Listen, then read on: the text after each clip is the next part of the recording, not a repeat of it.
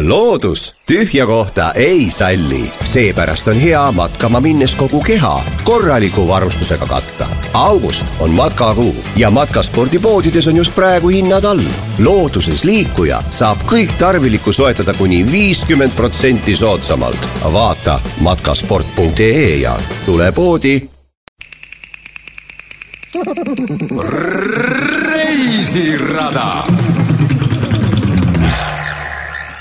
saadet toetab Saksamaa turismiinfobüroo. tere, Kuku raadio kuulaja! saatejuht Tea Karin tervitab teid reisirajas Saksamaa väiksemale liidumaale, kuhu kuulub kaks linna ning mis alates tuhande kaheksasaja seitsmekümne esimesest aastast on suutnud toonase vaba Hansalinnana säilitada oma iseseisvuse tänaseni kuuludes esimest korda tuhande kahesaja kuuekümnendal aastal Hansaliitu, on ta minevik olnud vägagi dünaamiline. Hansaliitu sisse-välja saavutas ta sadama- ja kaubandusmetropolina ning olulise kaubanduslülina Ameerika kontinendiga muljetavaldava rikkuse täna on imposantsete hoonete seas linnakeskuses ka Norddeutsche Lloyd Hamburgi hapak kõrval kuulus kui üks suurimatest laevafirmadest maailmas nimed nagu Karl Suur ja Friedrich Barbarossa on linnaga otse seotud.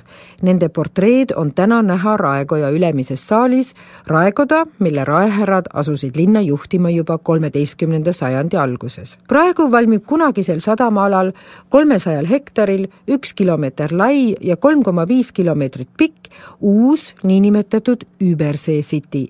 selle kõrval on säilinud linnaosa Schnoor kitsaste tänavate ja seitsmeteistkümnenda ja kaheksateistkümnendast sajandist pärinevate hoonetega. kõige parem asja juures on aga see, et kõike vaatama pääseb lennujaamast ainult veerand tunniga, istudes trammi ning astudes välja otse kesklinnas. seal Raekoja kõrval seisab Saksa keskaja üle kümne meetri kõrgune suurim vabaskulptuur Roland ning suviti kõlab kolm korda päevas kellamäng Bremeni mitteametlikul peatänaval Böttcherstrassel.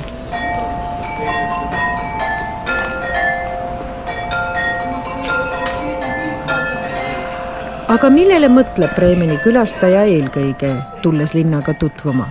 Kuhu seab oma sammud ning kus tehakse esimene foto. Ja, wir haben äh, Gästen die Frage gestellt, woran denken Sie, wenn Sie Bremen hören? Und 30 Prozent denken auf Anhieb an die Stadtmusikanten. Das hängt damit zusammen, dass sie als Kinder dieses Märchen gelernt haben und das ist dann ganz prägend für die Psychologie anscheinend und so antworten 30 Prozent auf Anhieb eben bei Bremen denke ich an die Stadtmusikanten.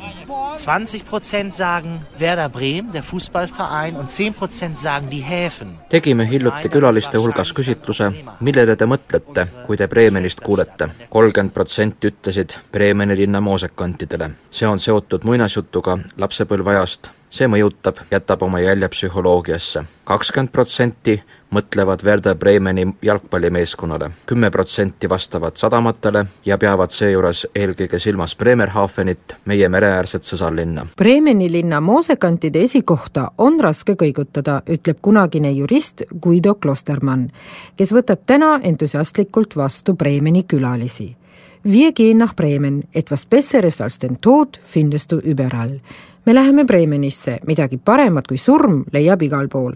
selle motoga asusid vendade Krimmide muinasjutus teele eesel, koer, kass ja kukk Veiseri jõeäärsesse linna, et muusikutena karjääri teha ja alustada uut elu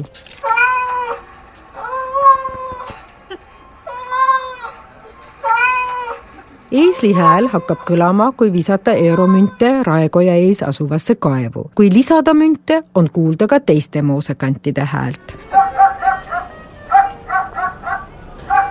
mis järjekorras hääled kaevust kostma hakkavad, seda ei oska keegi ette aimata ning seega on moosekantidele lisandunud veel üks funktsioon. So Bremish people say if we go out at night and we are not sure who pays the next drink, we bet which animal comes next.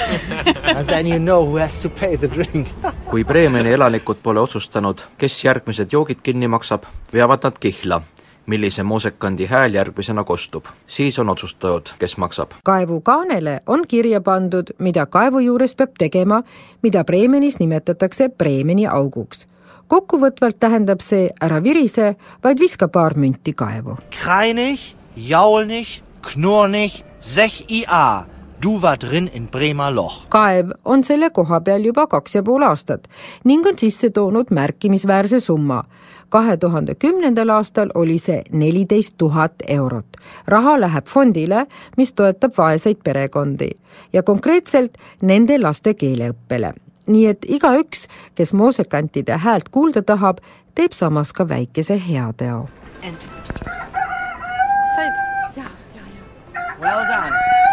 Kõige rohkem külastatakse nelja moosekandi Raekoja juures.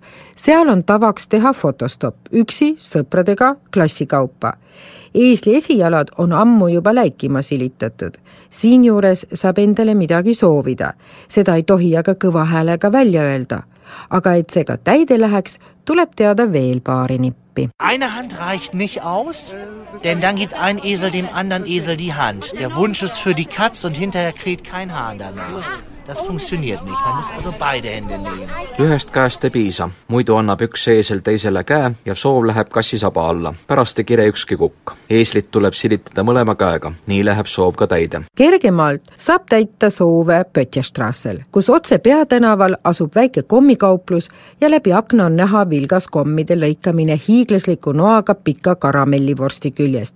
nii tekivad tillukesed erivärvilised padjakesed, mis leiavad tee klaaspurkidesse, kus neile kleebitakse peale ka vastav nimetus. vormides valmivad aga ka karamell-loomakesed ning hiiglaslikud lutsukommid. Der Riesenlolli, ja, wenn sich ein Käufer findet, wird er entscheiden, was er damit macht. Aber ich denke, die meisten nutzen es als Dekoration. Ich zum Beispiel stecke sie immer ganz gerne im Blumensträuße rein, wenn ich ähm, auf Geburtstagen eingeladen bin oder ähnlichen Familienfesten. see hiigellolli, naerab müüja Jutta Schneider, kelle lapsed leiavad, et ta on leidnud endale ideaalse töökoha, ütleb, et enamus ostab neid dekoratsiooniks. mina panen selle näiteks kaunistuseks lillekimpu, kui ma külla lähen. nii saab Pötjestrasselt kaasa võtta ka uusi praktilisi ideid, kui aga hiigellollisid võtta on siit leiab ka hulgaliselt spetsialiteete, üheks on preemia Babele, mida siin valmistatakse juba aastast tuhat kaheksasada kaheksakümmend kuus. Das ganze Geschäft ist natürlich eine Spezialität. Eine typisch bremische Spezialität ist hier der Bremer Babbler. Der wird von der Firma Bruns seit 1886 hier in Bremen hergestellt. Das ist eine Zuckerstange, die mit Pfeffermilz, Öl und Kräuterauszügen versehen wird. see on suhkrupulk, millele on lisatud piparmündi ja teiste maitsetaimede ekstrakte. sellest ajast peale müüdi neid apteekides, sest apteekrid olid esimesed, kes hakkasid suhkrut keetma ja maitsestama. see on kõige traditsioonilisem Bremeni maius. Neid maiusi valmistavad oskuslikud ja kiired käed Pötjestrasse kommikaupluses Seitsme magaja majas, mille suurtest akendest avaneb kommidest aknadekoratsioonide vahelt vaade kommi valmistamisele. kommide valamist klaasidesse kuuleb aga ainult seestpoolt.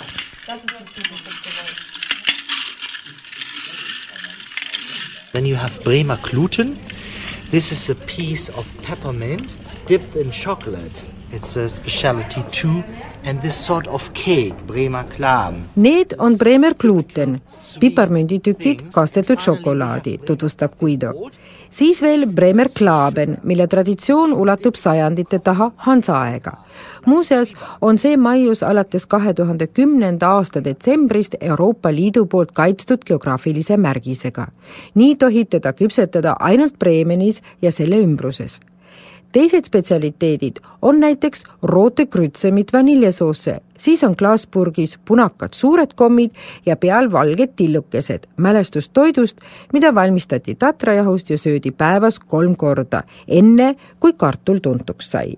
Peale selle veel Bremeni kohvileib, mis on nagu kuivik, aga magus ja mida tuleb enne suhu pistmist kohvi sisse kasta. just kohviga on seotud osa Bremeni kuulsast minevikust ning nimega Ludwig Roselius, kes oli andekas, moodne ärimees, kes juba siis kasutas oma toodete tutvustamiseks reklaami. Als er seine Fabrik gründete 1906, hatte er drei Millionen Reichsmark investiert, zwei Millionen für den Aufbau der Fabrik. Einer Fabrik, die noch früher als die Ford-Werke in den USA das Fließband benutzten, eine ganz moderne Verpackung. Heute steht die Fabrik auch noch als äh, Museum oder beziehungsweise als Industriebrache etwa zwei Kilometer von hier und er hat die restliche Million für Reklame ausgegeben. kui ta rajas tuhande üheksasaja kuuendal aastal oma vabriku, siis investeeris ta kolm miljonit riigimarka, sellest kaks vabriku ehitamiseks, selles kasutati juba varem kui Fordi vabrikus Ameerikas konveierit, ühe miljoni investeeris ta reklaami. see oli tollal ebaharilik, Bremeni kaupmehed kritiseerisid teda, tollal oli arvamus, et hea toode räägib iseenda eest, ainult halb toode vajab reklaami. aga peatselt oli Roselius nii rikas, et võis niikuinii teha, mida ise tahtis. Roseliuse juhtimisstiil oli oma aja kohta eriline, me peame meeles pidama, et see kõik oli rohkem kui sada aastat tagasi. vabrikus oli näiteks raamatukogu, sest Roselius soovis, et tema töötajad ennast edasi hariksid. Neile oli ette nähtud ka hommikusöögipaus, kus neile jagati müslit ja puuvilja. kaasarääkimisest polnud siiski juttu, aga võib öelda, et Roselius oli väga uuenduslik tööstur. just Roseliusele tuli idee enne ekstraheerimist lasta toorkohvil veeauru abil paisuda, et muuta kofeiin lahustuvaks. tuhande üheksasaja kuuendal aastal alustas ta patenteerituna oma võidukäiku üle maailma. selleks oli Cafe Haag, kofeiinivaba, mis tänaseni on oma koha turul säilitanud Pötjestrassel asuvad kaks akvaariumi meenutavadki ilma kofeiinita kohvi algusaegu. anekdoot räägib, et nende varal näitas Ludwig Roselius kofeiinivaba kohvi kasulikkust ühes akvaariumis ujuvad kalad väga närviliselt, teises, kuhu kallatakse ilma kofeiinita kohvi, on nad aga rahu ise. võib-olla oli selle taga Roseliuse enda probleemid liigse kohvi tarbimisest. igal juhul tuli tema kohv nagu pauk turule ning tegi Roseliusest ühest Saksamaa rikkaima mehe Roseliuse tegevus töösturina oli aga ainult üks külg tema andest. ta oli samaaegselt arhitekt ja näituste korraldaja, luuletaja ja metseen, ideede genereerija ja vanade asjade koguja aluse moodustas siinjuures Böttcherstrasse.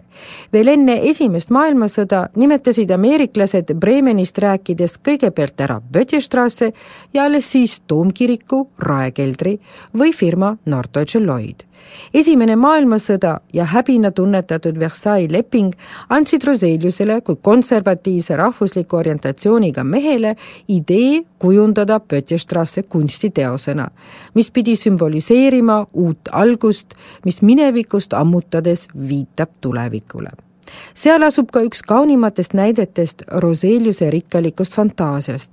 juba hoone trepikoda on nagu veealune sinakas valgus, mis loob müstilise õhkkonna.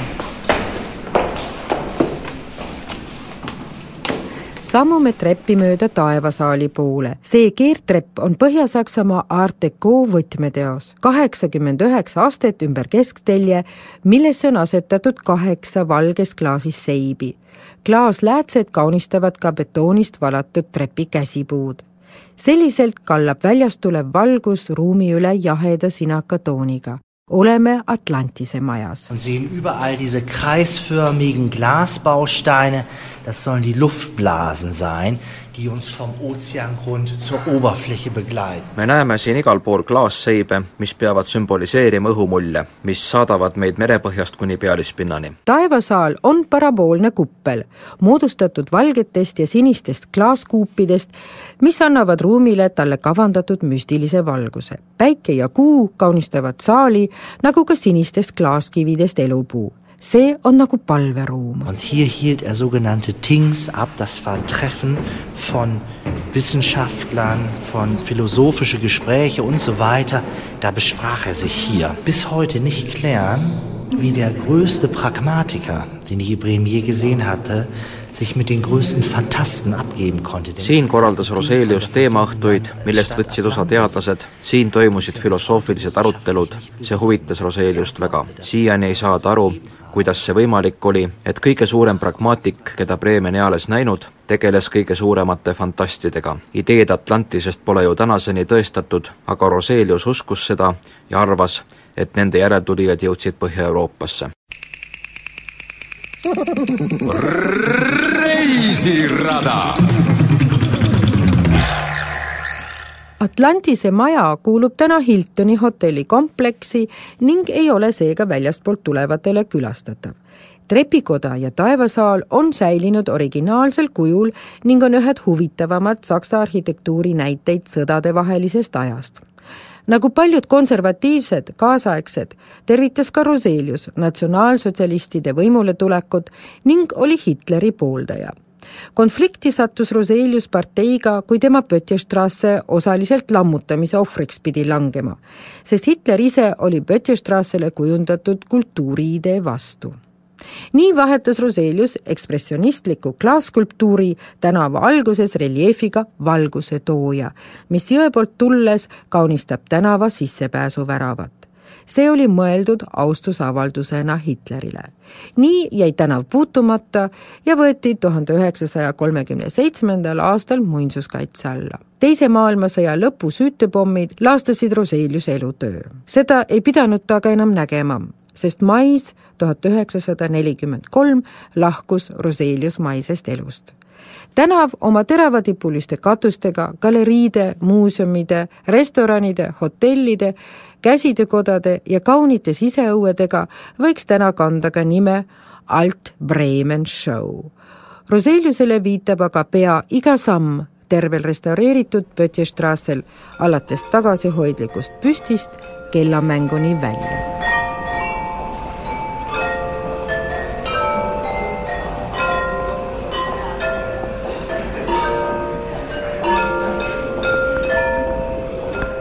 kolmkümmend Masoni portselaankella, pealt sinise glasuuriga, seest kullatud, mängivad alates tuhande üheksasaja kolmekümne neljandast aastast, alates kahe tuhande üheksandast aastast elektroonilisel automaatsüsteemil. igal täistunnil kõlab Westminsteri katedraali kellalöök eriline selle kellamängu juures on kombinatsioon keeratava torniga müüris. Robinson Crusoe ja Roseliuse maja vahel see Daniel Dafoe romaanitegelane Robinson Crusoe tähendas Roseliuse jaoks musternäidist Hansa pioneerivaimu ja suurest aktiivsusest. siin vahelduvad kümme värvilist ja puidust nikerdatud plaati, milledel on kujutatud ookeanide vallutajad sellega tahtis Ludwig Roselius Pötjestrassel püstitada ausamba nendele, kellel on avastamisvaimu ja tegusust. Nende seas Christoph Columbus, Charles Lindberg, Ferdinand Graf von Zeppelin.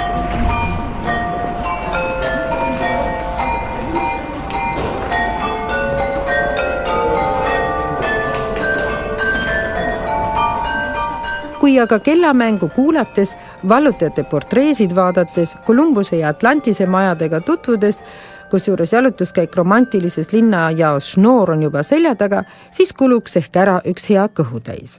siinjuures pakub Bremen vägagi täitvaid traditsioonilisi ja hästi maitsvaid variatsioone ning seda ajaloohõngulises keskkonnas, milleks on restoran Stendige Vertretung ehk alaline esindus, otse hoones kellamängu vastas.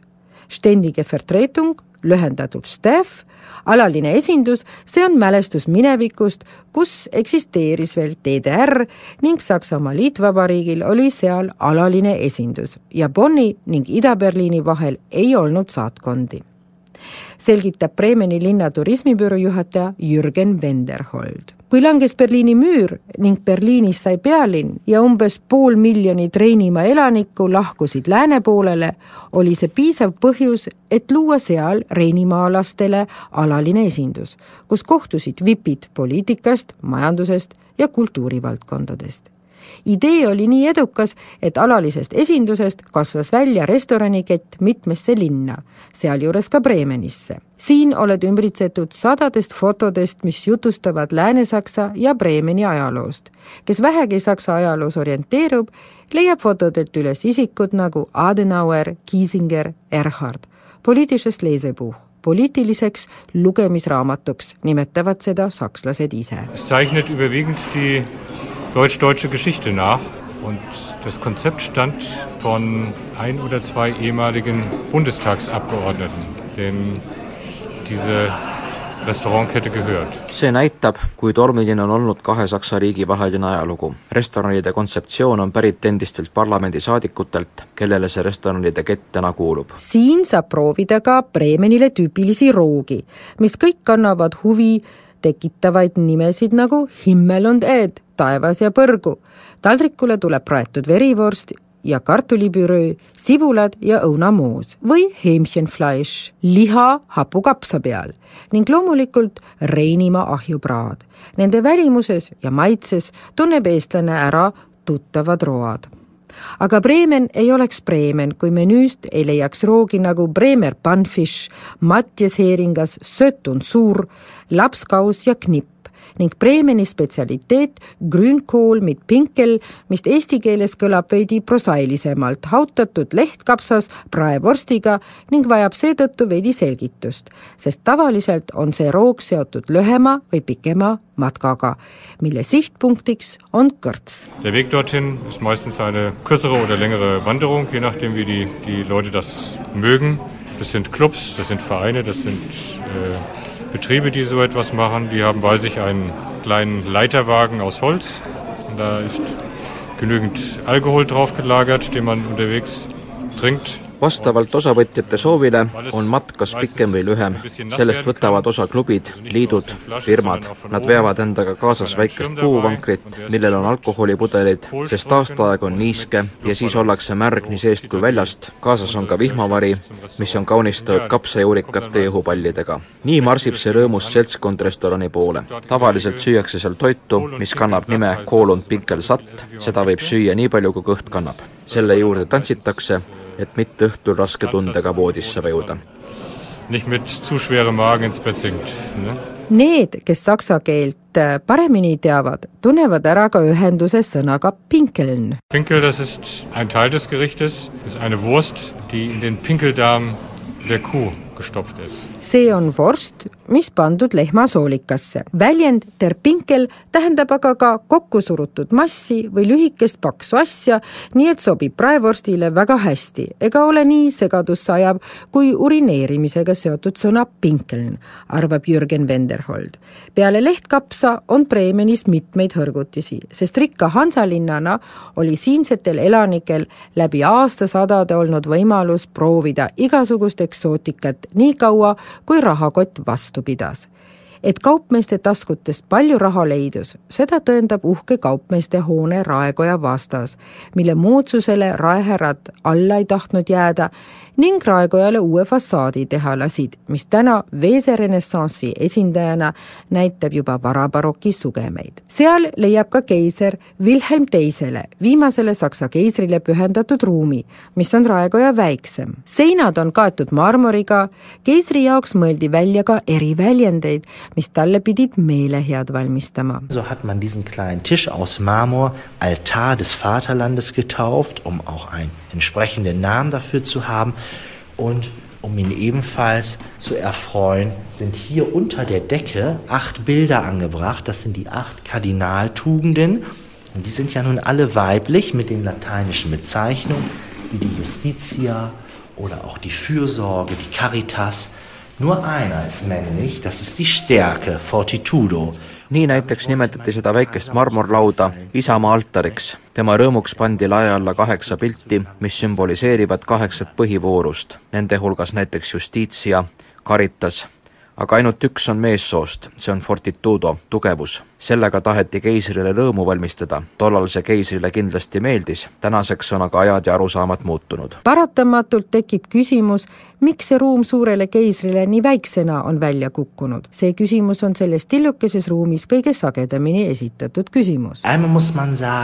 Manche Leute behaupten, man wollte den Kaiser damit ein bisschen ärgern, weil er Bremens Freiheit nicht so unterstützte, wie wir uns das vorstellten. ta ei toetanud Bremeni vabadust, aga ta on ainuke, kes sai Raekoja ametlikus osas oma ruumi, seetõttu teda siiski teatud määral austati. see kuuesaja aasta vanune raekoda jutustab igal sammul linna ajaloost ja tegemistest. suures saalis on seinal fresko Vana Testamendi teemal saalomonlik otsus. kaks naist kohtuniku ees valmis last jagama. Das ist hier das deutlichste Zeichen auf ein Gerichtssaal, denn die früheren Bürgermeister waren zugleich auch die obersten Richter in der Stadt und sie bewunderten den Salomon für seine weisen Urteile und haben sich deswegen vor 500 Jahren hier dieses große Bild malen lassen. See on selge viide kohtusaalile. raehärrad olid varem ühtlasi ka kohtunikud, nad imetasid Salomoni tarkust ja tema otsuseid, lasid siia selle pildi maalida. mõned tahtsid Salomonile veelgi lähemal olla ja lasid seepärast Salomoni näole oma näojooned maalida, nii et siin tuli restauraatoril eriti palju värvikihte eemaldada. tervelt seitse raehärrat, linnapead, olid lasknud Salomonile oma näojooned anda. linnapeadele kuulus ka õigus lasta oma perekonna vapp aknaklaasidele paigutada. seda õigust linnapead peale sõda enam ei kasutanud. võib-olla ei olnud neil perevappe, aga võib-olla on põhjus selles, et linnapead olid kõik sotsiaaldemokraadid igal juhul peale tuhande üheksasaja neljakümne üheksandat aastat ei ole akendele uusi vappe enam lisandunud. mööda akende ruute ülespoole jääb pilk peatuma lae all olevatele medaljonidel sinna on maalitud Saksa suurkujude portreed, alustades Karl Suurest, lõpetades Sigismundiga. kunstnik aga ei teadnud, kuidas need kuulsused, kes elasid tuhat aastat tagasi, välja nägid. nii kasutas ta oma isiklikke sidemeid, ta palus oma sõpru ja sugulasi modelliks ja kui täpsemalt vaadata, siis nii mõnedki portreed on teineteisega väga sarnased, seega võib arvata, et nii mõnigi istus mitu korda modelliks. neli kaunist puidust purjekamudelit ripuvad alla kõrgest laest. ühe puhul torkab silma, et alumine rida kahureid on mudeli jaoks kuidagi eriti suurtena välja kukkunud. Das war eine Begrüßungstradition, ein Salut für die Gäste im Rathaus, aber vor 150 Jahren hat man das eingestellt, denn dieser Luftdruck der Kanonen zerstörte die einfache Bleiverglasung. Wir haben alte Glaserrechnungen, die von diesen Schäden noch berichten. Und außerdem war das auch ziemlich laut und staubte furchtbar. Die Gäste darunter hatten dann an dem Abend weniger Spaß. Nende kahuritega so anti külastajate auks saluuti, aga see traditsioon lõpetati sada viiskümmend aastat tagasi. tekkiva õhusurve all kannatasid aknaklaasid ning kohalolevatel külalistel oli pärast taolist tervitust raske kõrvulukustavast helist lahti saada. kui üleval saalis on suurimaks aardeks nikerdustega ukse taga asuv Güldenkammer, väike kuueteistkümnendast sajandist pärinev maalitud akende ja kullatud nahktapeediga täiuslik jugendruum, siis otse raekoja all on nii arhitektuuri kui veini poolest mõnus koht, raekelder, sama vana kui raekoda ise. kuussada aastat, olles täna Saksamaa auväärseim, kõige pikemaajaliste traditsioonidega veinikelder alates aastast kaks tuhat neli UNESCO maailmapärandis. seal kujundavad õhkkonda suursuguste nikerduste ja vappidega kaunistatud hiiglaslike mõõtmetega veinivaadid, mis pärinevad seitsmeteistkümnendast ja kaheksateistkümnendast sajandist. suurim neist mahutab kolmkümmend seitse tuhat liitrit nii mõnigi tuli siia linnapea kingina veinimeistritele. vanim kaunitest vaatidest pärineb aastast tuhat seitsesada viiskümmend kolm. Umbes aastal tuhat viissada viiskümmend rajati saali põhja poole kaks veininautimisruumi, Apostelkeller, mille kaksteist vaati kandsid igaüks ühe apostli nime ning tänane senaatsimme, kus senaatorid ja linnapead võtsid vastu linna aukülalisi aastal tuhat kuussada ehitati lõuna poolele väikesed puitrinnatistega eraldatud ruumid, mida nimetatakse Priölken. nimetus, mis tuleneb alamsaksa keelest, tähendades väikest mugavat ruumi, mida need võluvad ruumid ka on, kus istuvad väikesed seltskonnad või eluaegsed sõbratarid peokleidis, kübarates koos koerakesega klaasi kvaliteetse veini taga, mille kohta öeldakse shoppen valida võib täna kuuesaja veini vahel, mis kõik pärinevad eranditult Saksa veiniregioonidest. ainuüksi veinikaart on kuuskümmend lehekülge pikk suure saali idapoolel seati sisse ruum, kus hakati hoidma keldri vanimaid ja väärtuslikemaid veine. tuhande viiesaja üheksakümne üheksandal aastal anti ruumile ka nimi Roose ehk roos, sest juba keskajal nimetati veine lillede järgi, kõige kaunim nendest roos. kuna veinikelder kuulus algusest peale linnale, siis on seal leida Saksamaa vanimad veinid. veel aastal tuhat kaheksasada kakskümmend oli seal veine aastast tuhat kuussada viisteist ja tuhat kuussada kakskümmend neli Neid vanimaid veine aga enam ei pakuta. roosikeldri ust avades tungib ninna aga imeline magusaroom. see ainulaadne sajanditevanune lõhn meenutab Madeira veini, veidike ehk ka sherryt ja on just sellele ruumile omane Rosenkeller on ülekantult Raekeldri katedraal, ütleb Arne Gröne, veiniekspert ja Raekeldri giid. Der ganz besondere Schatz dieses Raumes ist der 653er Rüdesheimer. Das ist ein alter Fasswein und ähm, es ist sogar der älteste Fasswein Deutschlands. Und äh, ja, die letzte Person, von der wir so wissen, die letzte Person des öffentlichen Lebens, die davon gekostet hat, ist Queen Elisabeth II. gewesen, die Ende der 70er Jahre hier zum Staatsbesuch oder zum Bremenbesuch kam. Und nachdem sie sich ins Goldene Buch der Stadt eingetragen hat, hat sie natürlich eben auch einen Schluck von diesem Wein probiert und äh, sie scheint amused gewesen zu sein. roosikeldri kõige erilisem aare on tuhande kuuesaja viiekümne kolmandast aastast pärit Rüdesheimer vana vaadivein, kõige vanem Saksamaal, mis on säilinud. viimane külaline, kes seda veini proovis, oli kuninganna Elizabeth Teine kui ta Bremenit seitsmekümnendatel aastatel külastas, enne kui ta tegi kuldsesse raamatusse sissekande, proovis ta lonksu seda veini ning mäletatakse, et ta oli vaimustuses. võimatu on nimetada kõiki neid kuulsusi, kes möödunud sajanditel Bremeni raekeldris ametlikult või mitteametlikult veine maitsid. üks sagedatest külalistest oli kahtlemata keiser Wilhelm Teine, kes üks kord aastas tuhande kaheksasaja üheksakümnenda ja tuhande üheksasaja neljateistkümnenda aasta vahel siia niinimetatud keisri hommikul hommikusöögile tuli. siin raekeldris võib kaasa teha ka ekskursiooni alamsaksa keeles, mis oleks keeleoskajale ehk tore kogemus ja väike test. Kuulame korraks Heiko Gessenit, kes on üles kasvanud Düvelsmooris ning räägib plattdeutsch lapsepõlvest peale. tema viib raekeldris läbi alamsaksa os-, keele oskajatele ekskursioone ning grupis on tavaliselt neljakümne ringis kuulajaid, kellele ka keel huvi pakub. Heiko leiab, et plattdeutsch sobib imehästi nii veinide kui vana raekeldri juurde. In den Rotskeller. Und äh, ich wies de Lühe hier in de ole Sprok, die wir hier snackt habt, äh, wies ich de Lühe, was wir hier so mit dat köstliche, flüssige Fundament, was da so obsäck hat. Und äh, dann gut wie denn durch die Kellerien hier und äh, ab und zu vertelle ich dann mal einen Snack. Aber naja, der Lühe kriegt denn das mit und dann trinkt wie noch einen letzten dabei. Und das äh, passt so ganz gut, die plattdeutsche Sprach, zu den ollen Keller, den wir hier haben. siin Bremenis öeldakse, et veini joomine ei ole sugugi supisöömine, sest vein oli esmajärjekorras ette nähtud ainult rikkamatele ja nemad rääkisid kõrgsaksa keelt. lihtrahvas, kes veini ei joonud, oli rohkem tööjõud veinikeldris. tema rääkiski alamsaksa keelt, nii et Plattdeutsch on lihtsa rahva keel. Platt ist ein einfacher Spruch für einfache Menschen. reisirada väikese jalutuskäigu kaugusel meenutab Bremeni vanim asum Tallinna kalamaja, kui vaadata lähemalt sellele kunagi kaluritele ja merega seotud käsitööliste linnaosale nimega Schnoor. ka see nimetus meenutab linnaosa ajalugu, tulles sõnast šnuur ehk köis.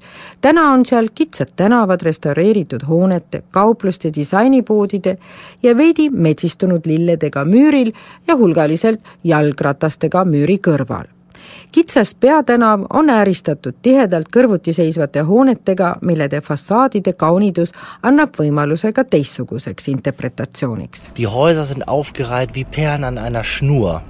Das alte deutsche Wort für Schnur ist Schnur. Daher der Name des Viertels, der Name der Straße. Die Häuser sind aus dem 15. und 16. Jahrhundert, 18. und 19. Jahrhundert auch dabei. Sehr kleine Häuser zum Teil. Man sieht, dass das ein Armenviertel war früher, denn da lebten die Schiffer und die Fischer und die zahlten Grundsteuer nach Größe, Länge und Breite des Hauses. Und dieses Viertel hat den Kriege fast unbeschadet überstanden und ist dann in den 1950er Jahren großflächig restauriert worden. Es ist majad on nagu pärlid nöörile lükitud. siin on säilinud hooneid veel neljateistkümnendast, viieteistkümnendast sajandist, vahepeal on ka kaheksateistkümnenda, üheksateistkümnenda sajandi majad, enamuses väikesed. Neis elasid kalurid ja meremehed, kes maksid maamaksu vastavalt maja suurusele, laiusele ja kõrgusele. Need majad on pea täiesti alles, Nad restaureeriti viiekümnendatel aastatel teisiti kui Böttcherstrasse. igal pool väikeste kaupluste peal on korterid ja muidu elatub see linnaosake põhiliselt kunstist. Schnoorist väljudes jõuab kunagise linnamüürini. seal on maailm täiesti teistsugune. sinna linnast välja ehitasid rikkad linnakodanikud, kaupmehed, kes äritsesid puuvilla ja tubakaga oma suursugused villad. Neist mööda kõndides kõnelevad silmahakkavad advokaatide büroosildid iseenda eest, et hinnad on siin jõe müüri äärde rajatud pargi ja jõe kaldal linna kõrgeimad akendest paistab kunagine kaitsevall, mille lõitsevad lilled ja pargis laulavad linnud. siin leiab ka Bremeni jaoks tüüpilise ridaelamu, millel ei puudu oma võlu Das Altbremer Haus, das ist ein Haustyp, den man in Bremen sehr oft antrifft. Das ist ein Reihenhaustyp. Entstanden sind diese Häuser zwischen 1860 und 1916, also so etwa 100 Jahre alt, ein bisschen, bisschen älter auch schon, 150 Jahre alt. See on tüüpiline vana Bremeni maja, Bremenis sagedane ridaelamu, mida ehitati tuhande kaheksasaja kuuekümnendatel aastatel. tänava poolelt näevad nad välja tagasihoidlikud, aga tavaks on sada viiskümmend kuni kolmsada viiskümmend ruutmeetrit eluruumi. see näitab Bremeni tagasihoidlikkust, seal ei näidatud kohe, mis sul olemas on, seda eelistati sotsiaalpoliitilistel põhjustel. ei tahetud suuri eluruume välja näidata.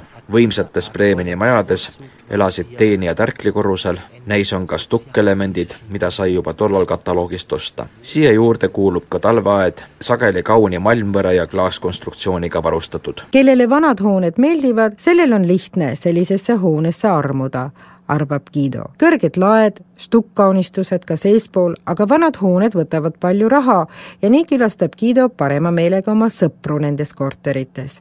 tema ise eelistab ühte uutest, kokku kahekümne kolmest Bremeni linnaosast, nautides sinna jõudmiseks jalgrattasõitu tema sõnade järgi on Bremen linn, kus igaüks suudab säilitada ülevaate, mis näiteks Berliinis oleks võimatu. Bremenis on võrratu jalgrattavõrgustik ning kompaktne kesklinn, kus autod ei sõida ja nii saab kõike ülevaatlikult nautida. sageli arvatakse, et Liidumaa Bremen on linnriik. ei, seda ta ei ole, ta koosneb kahest linnast, kuuekümne viie kilomeetri kaugusel Põhjamerest, poole miljoni elanikuga, see on Bremen teine on Bremerhaven. sada üheksakümmend aastat tagasi sai kunagisest sadamast linn.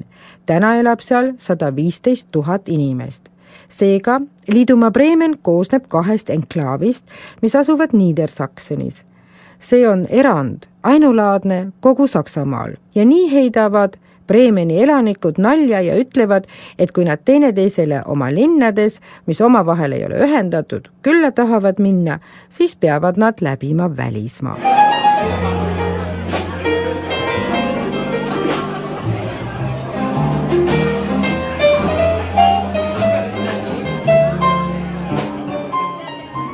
Muusikat armastatakse aga tervel Bremeni liidumaal, kus tänavapostide plakatid teavitavad igal pool aset leidvatest klubikontsertidest rokist džässini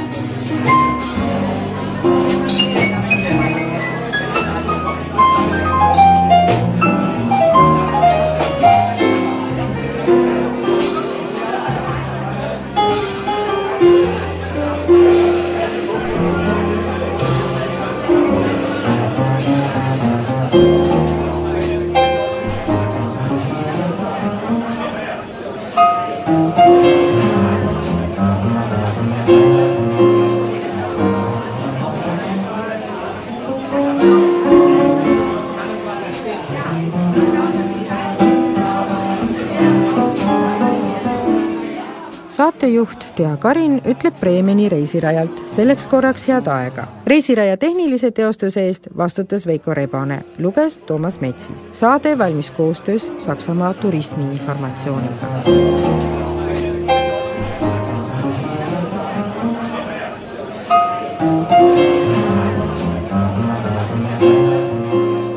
Veel ühe soovituse tahan reisirajas kaasa anda Raekeldri külastusel, kui tahate tutvuda Bremeni kui veinilinnaga. seal saab valida mitte ainult kuuesaja erineva veini vahel, vaid lasta end üllatada ekskursioonil šokolaad ja vein, sest õige šokolaad ühenduses õige veiniga toob veiniaroomid eriti hästi esile. Tallinnaga paljuski ühist omava Bremeni avastamise juures soovib teile toredaid elamusi Tea Karin. Reisirada